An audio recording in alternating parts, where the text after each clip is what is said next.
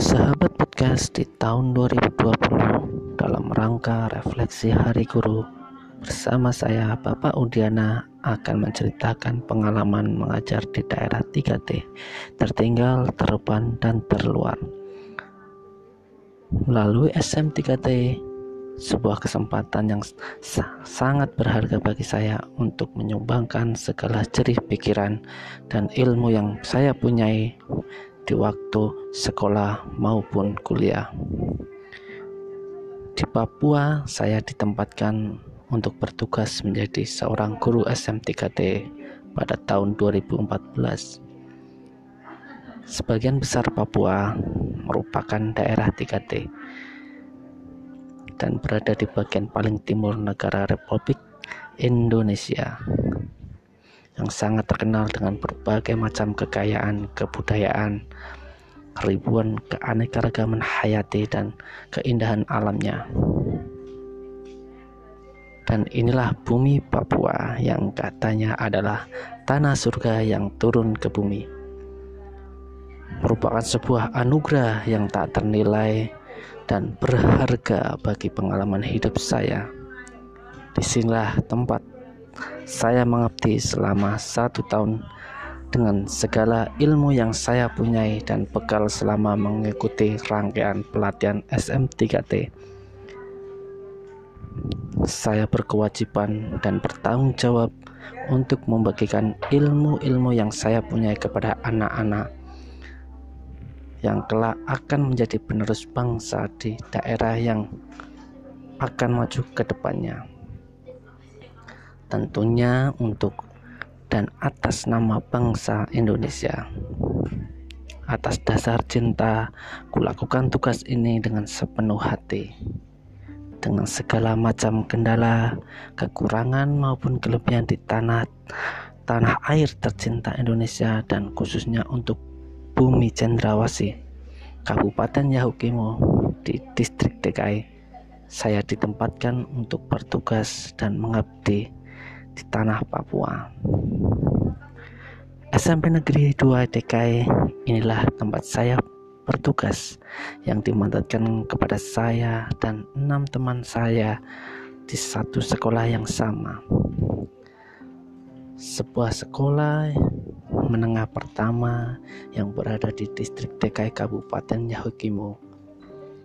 Sekolah yang pada tahun 2014 didirikan dan menjadi salah satu sekolah negeri yang yang menjadi tempat untuk anak-anak mengenyam pendidikan dengan bermacam problematika dan kekurangan yang ada. Namun dibandingkan dengan sekolah lain, sekolah ini merupakan termasuk banyak yang menerima anak-anak di Kabupaten Yahukimo, distrik DKI. Dan tentu saja yang mendominasi sekolah di sini adalah anak-anak asli dari Kabupaten Yahukimo dengan jumlah 143 dan hanya ada satu anak dari Makassar. Inilah SMP Negeri 2 DKI menginjakkan kaki di sini, mengawali langkah untuk mengabdikan segala ilmu dan kemampuan yang saya miliki. Sebuah perjalanan panjang yang harus selalu saya syukuri. Dengan segala fasilitas yang apa adanya di sekolah, memaksimalkan untuk bisa berbagi dengan semua anak-anak di sekolah ini Sekolah yang menjadi tempat pengabdianku mungkin terdengar mudah, namun tidak semudah yang dibayangkan. Teng dan inilah mata pelajaran kesenian menjadi tantangan berikutnya bagiku karena mata pelajaran ini ditugaskan kepada saya untuk bisa diajarkan kepada anak-anak di sini. Mata pelajaran yang terkesan asing bagiku karena sudah lama tak mempelajari mata pelajaran ini selama ada di bangku kuliah. Namun sekali lagi adalah sebuah tantangan dan tidak pula menjadi sebuah kendala bagiku. Dan inilah perjuangan dan tantangan yang harus bisa saya taklukkan. Karena sebagai seorang guru atas rasa cinta terhadap profesi ini, siap menghadapi segala kemungkinan yang menjadi termasuk mengajar mata pelajaran yang bukan menjadi keahliannya dan tak lupa juga seorang guru SM3T adalah manusia yang serba bisa dalam melakukan segala apa pun. Tentunya ini semua pengalaman pertama dalam hidup saya.